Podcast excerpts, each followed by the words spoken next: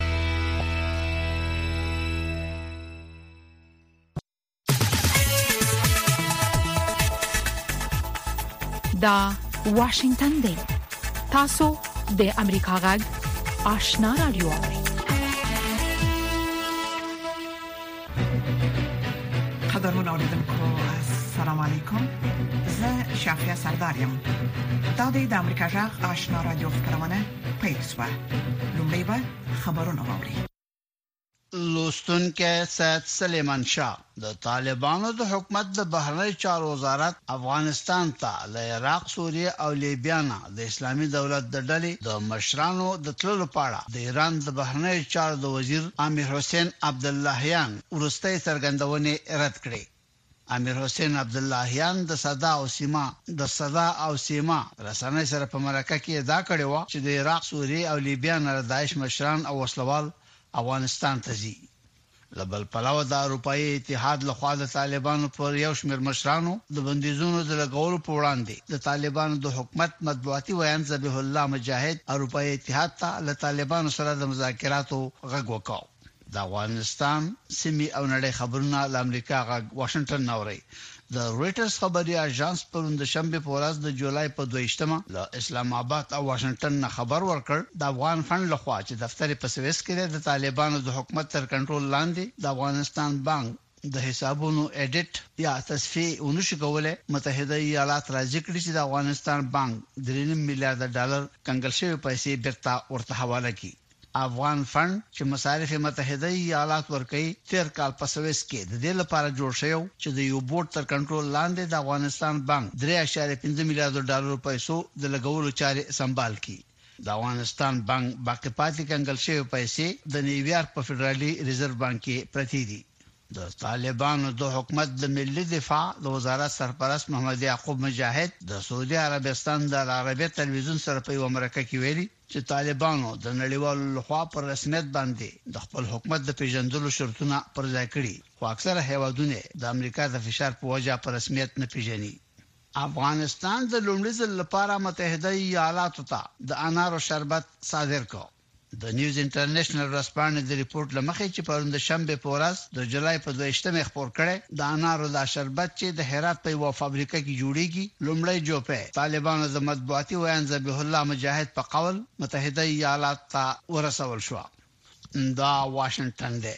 د کریمیا په ټاپو وزمې کې د مسکو له لوري ټاکل شوي ګورنر پرون د شنبې په ورځ وویل چې د یوکراین له بې پیلوټه الوتکې په برید کې د مهماتو په یوه ډیپو کې اور ولګېده. د برید د ساحې له پنځه کیلومترۍ نه خلک ایستل شوي او د اورګاډي د تګ راتګ د بندېدو امر شوی. په داسې حال کې چې ټاکل شوې ده د تایوان د جمهور رئیس مرستیال ویلیام لای چې د راتلونکي میلادي کال د جمهوري ریاست د انتخاباتو مخکښ کاندید هم دی، په روانه اونۍ کې اعلان وکړ دی به بله میاشت پاراګوې ته د خپل سفر په لړ کې په متحده ایالاتو کې تم شي. څارونکي وايي ممکن چې د تایوان د جمهوري رئیس د مرستیال تم کېدل به د واشنګټن او بېجينګ تر منځ روان کړکېچ لا زيات کړي. نن د يکشنبې په ورځ په اسپانيا کې پارلماني انتخابات کېږي. د متحده ايالاتو سمندري ځواک د شنبې په ورځ د استراليا د سېډني په ښار کې يوه نوې محاربوي کښتۍ اوبو ته ګډه کړه. دا لومړی ځل دی چې د امريکا سمندري پوځ په يوه بهرني بندر کې نوې جنګي کښتۍ په کار اچوي. استرالیا له متحده ایالاتو سره له ډېرې مودې نه نږدې نظامي اړیکې لري او دواړه یې په سیمه کې د چین د مخ پر زیاتېدونکي پراختیا مخالف دي. د انډیپنډنسې ازادۍ په نوم دا محاربه کښتۍ د استرالیا د پوځ د هغې کښتۍ په ویاړ نومول شوې چې په دوه زره او دوه څلوېښت میلادي کال کې د سیډني په بندر کې د جاپانیانو په برید کې ډوبه شوه. د ارمنستان صدراعظم نیکول پاشینیان د جمعې په ورځ خبرداری ورکړ چې له اذربایجان سره د یو نوي خونړي جنګ د پیل کېدو امکانات زیات شوي دي. نوموړي د اذربایجان حکومت د ناګورنو قره باغ په غرنۍ سیمه کې د ارمنیانو په قتل عام تورن کړ.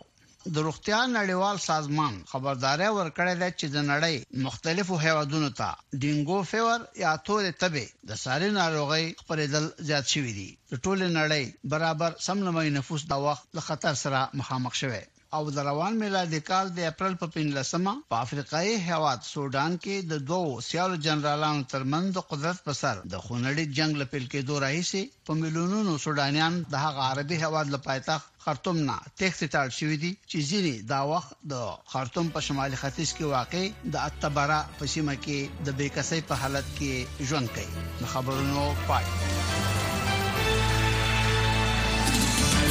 خبرونه مو د امریکا جغ آشنا رادیو څخه واوریدل درنو اوریدونکو په دې سهارنۍ پښتو خبرونه کې د افغانستان سیمه او نړۍ د اوسنیو حالاتو په اړه کې مهم مطالب لرو هله د خبرونه تر پای ووري لومړی به دا راپورټ ووري چې د طالبانو د حکومت د دفاع وزارت سرپرست مولوي محمد یعقوب مجاهد ویلي چې حکومت یې د رسمیت پیژندلو ټول معیارونه پوره کړي خو بیا هم اکثره هیوادونه د امریکا د فشار لامل د طالبانو حکومت رسمیت پیژندلو ته چمتو نه دی. د چارو ځینې افغان کارپوهان په دې باور دي چې د طالبانو له خوا بشري حقونو په ځانګړي ډول د ښځو حقونو ته نه درناوی د نړیوالې ټولنې له خوا د طالبانو د رسمیت پیژندلو په برخه کې لوی خنډ دی. نور تفصیل زموږ د خبریال اکرام شینواري په رپورټ کې واورئ. اروپي ټولنې د پنځشنبه په ورځ د افغانستان په ګډون د شپږو هیوادو پر اتلس شخصیتونو او پنځه بنسټونو د بشري حقوقو د جدي سرغړونو لامل بندیزونه ولګول اروپي ټولنې د طالبانو د حکومت د پوهنې وزیر مولوی حبیب الله د عدلی وزیر مولوی عبدالحکیم شرعي او د سترې محکمې رئیس او قاضي القضات مولوی عبدالحکیم حقانی د جنسیت پر بنسټ د تاوتریخوالي لامل د دغه ټولنې د بندیزونو په لست کې شامل کړل خو د طالبانو د حکومت ویاند زبی الله مجاهد د اروپای ټولنې دغه اقدام په خبرګون کې د جمعې په ورځ د خپل ټوئیټر په پاڼه لیکلي چې د بندیزونو لیسته د طالبانو د ځینو مشرانو د نمونو زیاتول هیڅ چاته ګټه نه رسي خاغلی مجاهد لیکلي چې د دې پر ځای چې د فشار او تحریم له غوراوي څخه استفاده کیږي باید له تعامل ډیالوګ او تفاهم څخه کار واخیستل شي د افغانانو په وړاندې ناکامې تجربې تکرارول او تحمیلي سیاست نتیجه نه ده ورکړې د نوو بندیزونو له مخې د اروپۍ ټولنې په غړو هېوادو کې د دغو کسانو شتمني بندیږي، د دغو هېوادو اتباعو شرکتونه له بندیزونو لاندې کسانو سره له اړیکو منع کېږي او د اروپۍ ټولنې له لارې د ترانزیت او ویزو د صادرولو په ګډون پر هغوی د سفر بندیز لګول کېږي. په عین حال کې ځینې افغان کارپوهان دا ګڼي چې د طالبانو په چارواکو د بندیزونو لګول به د دغه حکومت د سیاست په بدلون کې کومه خاصه اغیزه ونه لري د امنیتي چارو کارپو اسد الله ندیم په دې باور دی چې د دې وړاندې هم د طالبانو پر ځینو مشرانو او چارواکو باندې د ملګرو ملتونو د امنیت د شورا لخوا بندیزونه لګیدلي چې لمخې هغوی افغانستان څخه بهر سفر نشي کولای خغلی ندیم وایي چې طالبانو لپاره داخلي مسایل ډیر مهم دي او هغوی هر ډول چې وغواړي په افغانستان کې د خپل سیاستونو د پلي کولو قدرت لري د افغانستان د چارو د کارپو په اروپوي ټولنه کې د بیان ازادي ته په اشاره سره ویل چې د دې ټولې د غړي هیوادونه هڅه کوي چې د دغه هیوادو د عمومي افکارو په نظر کې نیولو سره حرکت وکړي. درقت مصرف داخلی داره نو تحریم ها بسیار سمبولیک است هیچ تاثیری بر حکومت طالبان انداخته نمیتانه که اینا روی کردشان سیاست هایشان با این تحریم ها با این تحریم های نمادین تغیر بده. د افغانستان د پوهنتون یو استاد سید جواد سجادي هم په دې باور دی چې د طالبانو پر څو مشرانو باندې دغسې فشارونه اچول د طالبانو سیاستونو د بدلولو سره مرسته نه شي کولی. طالبان ایدئولوژیک فکر میکنند، ایدئولوژیک میاندیشند و بر مبنای ایدئولوژی تصمیم میگیرند. بنابراین طالبان مقاومت به خاطر ایدئولوژی و مقاومت به خاطر عقیده را نوع از جهاد و نوعی از مبارزه در راه خدا می دانند که ارزش تحمل سختی ها و مشقتی ها را دارد. خو د سیاسي چارو دغه کارپوه وایي چې که چیرې فشارونه زیات وسي او طالبان دا احساس کړي چې په یو ډول پرې فشارونه هر اړخیز دي او د هرې ورځې په تیریدو مخ په زیاتیدو دي او کیدای شي چې د طالبانو حکومت د خطر سره مخ کړي په هغه صورت کې ممکن طالبان یو څه انعطاف وښیي او خپلو کړنو کې یو څه بدلون راولي. په دې حال کې د خزو د حقوقو یو شمېر پالانو د طالبانو په درې چارواکو باندې د بندیزونو د لګولو هرکلی کړی د خزو د حقوقو یو پاله مینا رفیق وایي چې باید د طالبانو نور چارواکي هم د بندیزونو په لیست کې شامل شي تمام گروه از ناب طالبا باید از به نام گروه تروریستی فاشیستی شناخته شوند یک دو نفر پنج ده نفرشان نه و نباید مثل دولت افغانستان شناخته شود اینا باید از تمام ممالک از طرف سازمان ها از طرف اتحادیه اروپا از طرف همگی باید از تحریم شوند د اروپای ټولنې د بندیزونو په لست کې دغه درې طالب چارواکو د نمونو په اضافه کولو سره اوس مهال دغه ټولنې د بندیزونو په لست کې د طالبانو د چارواکو د نمونو شمیر 15 تنو ته رسیدلې دي د مخه تر دې اروپای ټولنې د طالبانو د حکومت د لوړو زده کړو پر سرپرست وزیر مولوی نظام محمد ندیم او د امر بالمعروف او نهي ان المرکز په سرپرست وزیر مولوی محمد خالد حنبی هم بندیزونه لګولي وو پر هغوی هم د افغان میرمنو او نجونو د حقونو څخه د سرغړونو له امله دغه ټولنې بندیزونه لګولي وو انتظار پای ته ورسید ترنو لیدونکو او اوریدونکو تاسو کولی شئ د امریکا غټ ټلویزیونی او رادیوي خبرونه د یاشر ساتلایت له طریقو وګورئ او واورئ د نوي ساتلایت لارې تاسو د آشنا اتصال او کاروان ټلویزیونی خبرونه کتلای هم شئ د امریکا غږ د افغانستان څنګه خبرونه په 309 پټ چنل او د آشنا رادیوي خبرونه په 309 پټ چنل کې اوریدلای شئ لملتيامو د تل پشان مننه د امریکا جغ آشنا رادیو څخه تاسو زموږ سهارنۍ پښتو خبرونه اوري دوو امریکایي چارواکو د رويټرز خبري اژانس ته ویلي چې د امریکا د متحده ایالاتو په مالی ملاتړ د افغانستان بانک ته ارزونې پایلې ښیي چې دغه بانک ته د سویس د امانتي صندوق څخه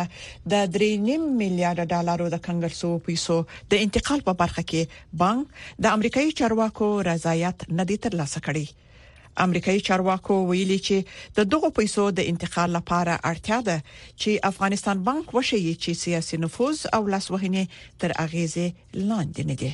نور حال پر پورت کې ووري د امریکا د مالیې وزارت یو چارواکي د نوم نه خودلو په شرط رويټرز خبري اژانس ته ویلي چې تر سره شوی ارزونه د طالبان تر کنټرول لاندې افغانستان بانک کې تر اړینو اصلاحاتو د مخه د سویس له امانتي صندوق څخه د افغانستان بانک د کنګل شو پیسو د انتقال په اړه د امریکا د مالی وزارت دریځ بدل نشو کړای د افغانستان بانک د دنده دا ده چې افغانستان د پیسو د افغانستان د پولیس سیاستو لپاره خپل پالیسیانه جوړې کا او هر کله چې دغه بانک کې د سیاسونو یا د چارواکو یا د حکومت لاسرسي په مشخصو اغراضو باندې الته محسوسي نو په دې معنی چې دغه ملي شتمنۍ نم مناسبه ګټه نه پورته کیږي امریکایي چارواکو ویل چې دغه پیسو د انتقال لپاره اړتیا ده چې افغانستان بانک باید وخی چې د سیاسي نفوذ او لاسوهنې تر اغیز لاندې نه دی رويټرز ویل چې دغه امریکایي چارواکي اشاره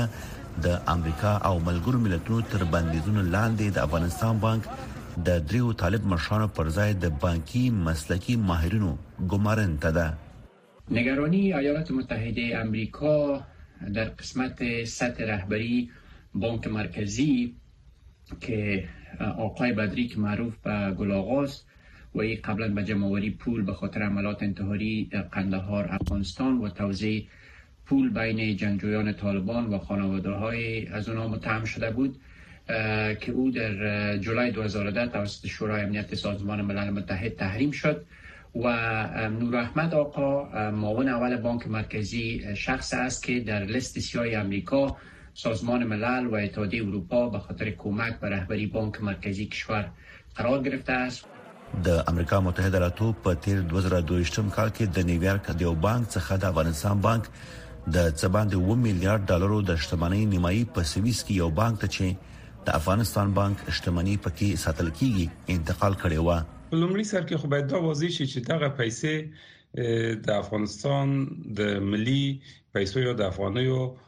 او پشتوانه ده او اندا باعث د دې شوی چې د افغانۍ ارزښت د نور اسعار په مقابل کې تر نن ورځې پورې ښه وساتل شي او هدف د استفادې دغه پیسو نه صرف دا دی چې دا د افغانستان د پولیس سیاستو لپاره ترې ګټه پورته کیږي نه دا چې د دنه د بیلګې په ټول د برېښنا د بلونو پیسې ورکول شي او بل مسایل باندې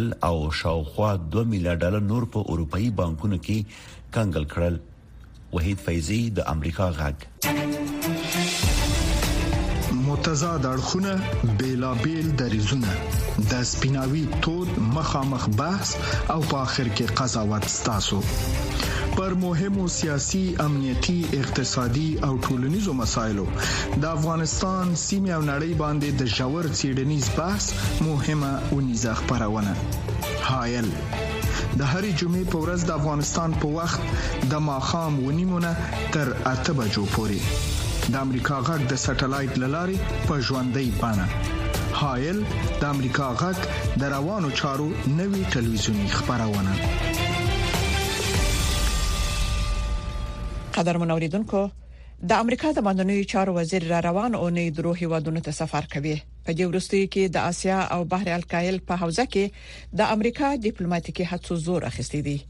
په دې اړه چې په دغه سیمه کې امریکا ولې خپل ډیپلوماټیکو هڅو ته زور ورکړی دی تفصیل پر راپور کې واوري د چین او واشنگټن ترمنځ د خبرو اترو د خراب تماسونو سره سره د چین ولسمشر شي جین پینګ دا اونۍ د امریکا د بهرنیو چارو په خوانی وزیر هنري کیسنجر ته هرکلی ووایه کیسنجر چې تیر می میاشت کې سل کلن شو له 1980 مې را پدې خوای چین ته لسلو ځلو څخه زیات سفرونه کړی دي. زموږ د دواړو هیوادونو اړیکې د نړۍ د امنیت لپاره مهمې دي. د اقلیم په برخه کې د امریکا د ولسمشر ځانګړی استازی جان کیري هم دا مهال په چین کې دی. جان کیري د چین سره د چاپیریال په اړه ډیالوګ بیا پیلوي. چین تیر اګست تایوان ته د امریکا د استازو د جرګې د پخوانۍ مشرې نانسي پلوسی له سفر وروسته دا خبره ځنډولې وي موږ هیله من یو چې د اقلیم د ناورین په تړاو زموږ د راکړې ورکړې د وړتیا پر وړاندې به هیڅ شی خنډ نه شي، لکه چې ما پخوا ویلي، د اقلیم ناورین هیڅ شي ته صبر نه کوي. د امریکا د خزانې وزیره جینیت یالن چې تیره اونۍ چین ته په سفر تللې وه، اوسمهال د امریکا د تګلارې په اړه په ویتنام کې ده. موږ په فعاله توګه امریکا ته د اموالو د رسولو په لاره کې د ټیکاو د پیاوړي کولو لپاره په فعاله توګه وده ورکوو او د دې مانا دا نه ده چې هر څه باید موږ په خپله وکړو او د دې مانا دا نه ده چې موږ له خپل اړخه د چین سره سوداګري پای ته ورسوو، خو موږ د نورو هیوادونو سره هم ملګرتیا کول غواړو خو سپینې ماڼۍ تیر پنځشنبه امریکا غږ ته ویلي وو چې د دواړو هیوادونو د پوځونو ترمنځ لا هم تماسونه نشته د سیالۍ تر نوم لاندې چین د هر ډول سوداګریزې او ټیکنالوژیکي جګړې مخالف دی. چین له سیالۍ مخ نه اړوي، خو د امریکا لخوا د مقابلې تعریف مناسب نه دی. امریکایي قانون جوړونکو د چینایي دولتي شرکتونو لخوا د امریکا د سایبری امنیت او انرژي پر وړاندې د جدي ګواښونو په اړه معلومات ترلاسه کړل چې د چارې د چین د بهرنیو چارو د وزارت خبرګون راوپاروه امریکا نه باید بې بنسټه تورونه ولګوي او نور هیوادونه د سیاسي موخو لپاره سپک کړي امریکا باید پر نورو هیوادونو سایبریایي بریدونه پای ته ورسوي او د جدي سایبریایي امنیت د تضمین لپاره نړیوالې همکارۍ پیاوړې کړي. د امریکا سنا دا اونۍ د خپلې کلنۍ بودجې په اړه بحث پیلوي. دا بودجه د چین په اړه یو لړ مواد هم لري. د اسیا او بحر الکاهل سیمې ته را روانه اونۍ د امریکا د بهرنیو چارو د وزیر بلینکن او د دفاع وزیر لوید آستین د سفرونو پر مهال به د چین د بحثونو د موضوعاتو د سرټکي وي.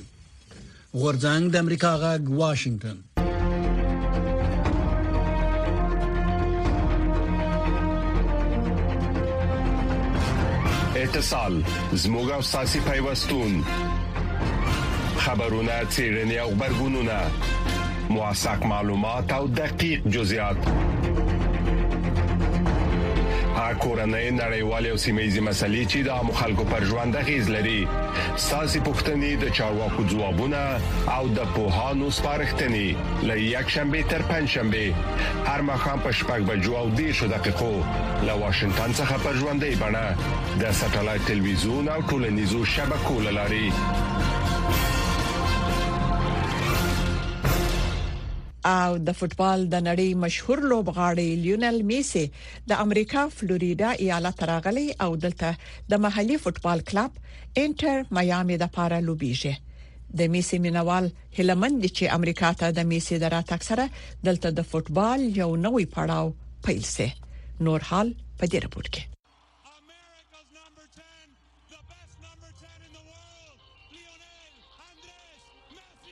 د فوټبال د نړیوال جام د قهرمان ټیم ارجنټینا کپتان لیونل میسي چې کله د فلوریډا ایالت د فوټبال کلب انټر میامي د نوي غړي په توګه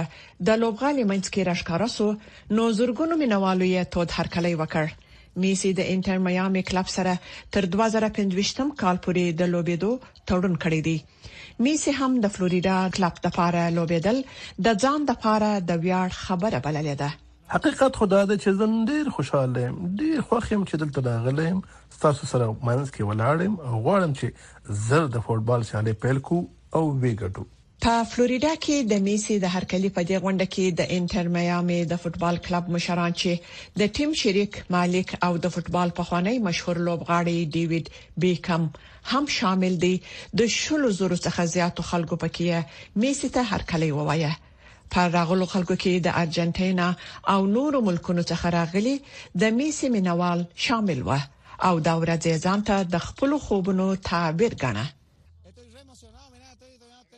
زه ډیر زیات خوشاله یم، د خوشالۍ اوښکې مې لا هم په سترګو کې دي. میسي ډیر ستر لوبغاړی دی او موږ به یې اوس له نږدې وینو. دا ډیره د نیکمرغۍ خبره ده. د فلوریډا د فورټ لوریډل د فوټبال میدان څخه بهر د میسي مینوالو د هغه د راتګ جشن د خپل هیواد ارجنټاین په دود سره لمانځلو او خاص ارجنټایني کباب یې پخ کړی و. د دې شېبې نه باید خپلو کورنیو او دوستانو سره خوند واخلو، داسې ورځ هر وخت نه راځي، وګوره چې میسي موږ ټول سره یو ځای کړي یو، زموږ د ارجنټاین مینه یې راژوندۍ کړې ده. فلوریډا ته د فوټبال مشهور لوبغاړي میسي راتګ د ډیرو لپاره د مالي ګټې سبب هم دی. ما د میسي د نوم ډیر کمیسونه او خولۍ راوړي دي، هیله ده چې ډیرې به خرڅې شي. څه وخت چې دا اعلان وشو چې د فوټبال د نړۍ مشهور لوبغاړي لیونل میسي امریکا ته را روان دی او د فوټبال د انټر میامي فوټبال کلب لپاره به لوبیږي نو هرې خوا د میسي د مینې علامې را څرګندې شوې. د میامي د ښار په دیوالونو د میسي ستر انځورونه جوړ شوي او خلک ورسره د میسي په مینه کې عکسونه اخلي. د میسي یو بل ستر انځور چې د وینزویلا یو انځورګر اریلیکس کمپوس جوړ کړی دی، د خلکو توجه ځان ته راګرځولې. خلک د دې انځور سره هر ورځ تقریبا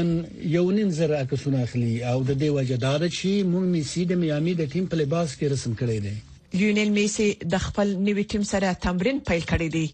د میسي ټیم انټر میامي دا وخت په روانو سیالیو کې له ټولو شاته دی خو مینوال یې هیله مند دي چې د میسي د راتګ سره به ټیم مخکې ولاړ شي شافیا سردار امریکا جغ واشنګټن. د بدلون پر مهال کله چې د نړۍ وضعیت څرګند نه وي او کله چې اوریدل له عیني واقعیتونو سره سمون نه خوري موږ په حقیقت پسې ګرځو کله چې موږ ته د یو موضوع یوازې یو اړخ بیانېږي نو باور بایلو د ناورین پر مهال د یوې ښې راتلونکې لپاره زموږ خوبونه تم یو هلي پر آزادو مطبوعاتو تکیوي د امریکا غږ پر چپو موږ هغه خبرونه خبرو چې خلک یې د لیدلو لپاره غواخونه مني موږ نړۍ سره وسلو او د حقیقت په ویلو یو موټی کوو د امریکا غږ لاري موږ بشپړ انزور درکو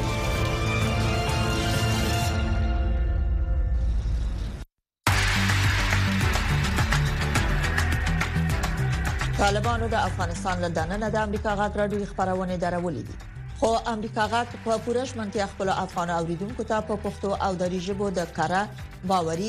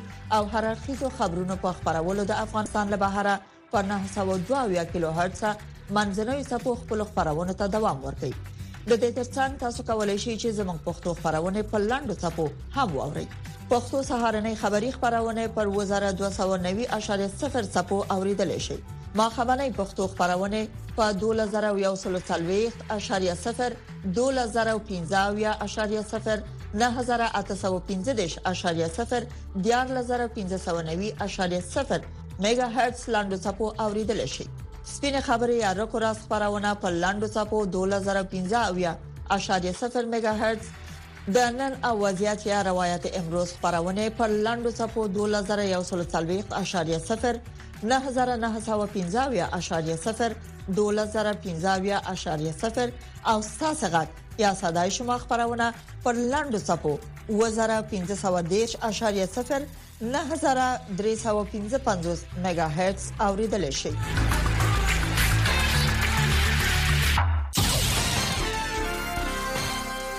د نو اوریدونکو دا د امریکا غږ سر مقاله ده چې د امریکا د حکومت نظر څرګندوي دوه کال په خوا د 2020م کال د جولای د میاشتې په 18مه نیټه په لسګونو زره کوبایان لارو کوڅو ته راووتل چې د درملو د سونګ د موادو او خوړو همدغه راز د لسیزو په اوږدو کې د خپل بشري حقوقو د پخو لاندې کولو په اړه کې د حکومت په خلاف احتجاج وکړي امنیتي قواو په ځواب کې د اوخ کې بهون کې غاز او وهلو د بول نه کار واخسته د بشري حقوقو د مهمو فعالینو هنرمندانو او مذهبي مشرانو په شمول په زرګونو کسان بندیان کړي وو رپورټونه وايي په زندان کې د دغو بندیانو سره بې رحم او ناوړه چلچلند وکړ د هوزي داینل فیریر ګارشیا قضیه څرګنده ده د بهرنیو چارو د وزارت د بشري حقوقو په اړه کې د ورستي راپور په قول د دوه د بند کېدونو نه را پدې خو په داسې کوټه قلفي کې ده چې کوټه یې کړکۍ یا د باد جریان نه لري دغه کوټه تیر کال اکثره وخت په څلیرو ساعتونو کې رڼا هم و زنداني شوی هنرمند لوریس مانویل او ترو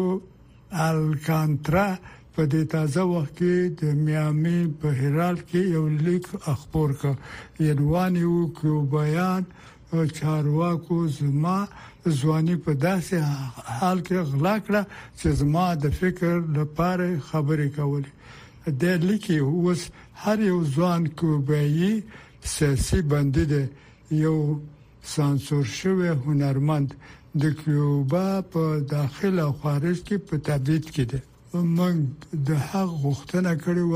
چې خپل سیاسي راتلونکي انتخاب کړو او د خپل فکر نه خبرې وکړو د په نتیجه کې ولې هیڅوک باید د دارنګ عادلانه موضوع لپاره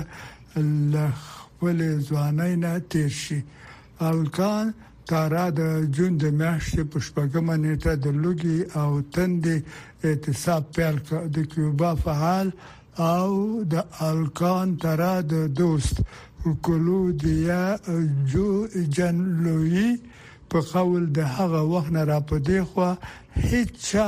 لدنه نه دی اوریدلی د بهرنیو چارو د وزارت نطاق ماتیو ملر په ولیکل شو وینا کې ویل نړۍ به هغه څوک هیر نه کی چې د ډیرو سخت زپلو په وخت کې په زړه ورته سره خپل اوازونه واورول په دې کې څه باندې اووه سوه تنه شامل دي چې د کیوبا په زندانونو کې دي. د بیان د ازادۍ او سولهییزه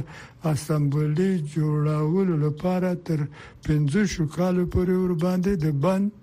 سزا وخېژول شوه. د امریکا حکومت یو شمېر بندیزونه او د ویزو محدودیتونه ولګول چې هدف یې هغه کسان او مرکزونه دي چې د بشري حقوقو په سرغړونو کې لاس لري، په دې کې د جولای د میاشتې د یوولسمې نېټې ناوړه سلوک شامل دی. نطاق میلر وویل، امریکا د غیر عادلانه د سیاسي بندیانو د سمدستي خوشی کولو لپاره غوښتنه وکړه او د نړیوال ټولنې نه وغوښتل چې د موږ سره په دې غوښتنه کې وځي شي چې د کوبا حکومت په سلګونو ماسیلین خبريالان هنرمندان ځوانان او نور چی په غیر عادلانه توګه بندن کړی دی خوشی کړی. درنو اوریدونکو دا وه د امریکا غږ سرمقاله چی د امریکا د حکومت نظر یی څرګند کړ.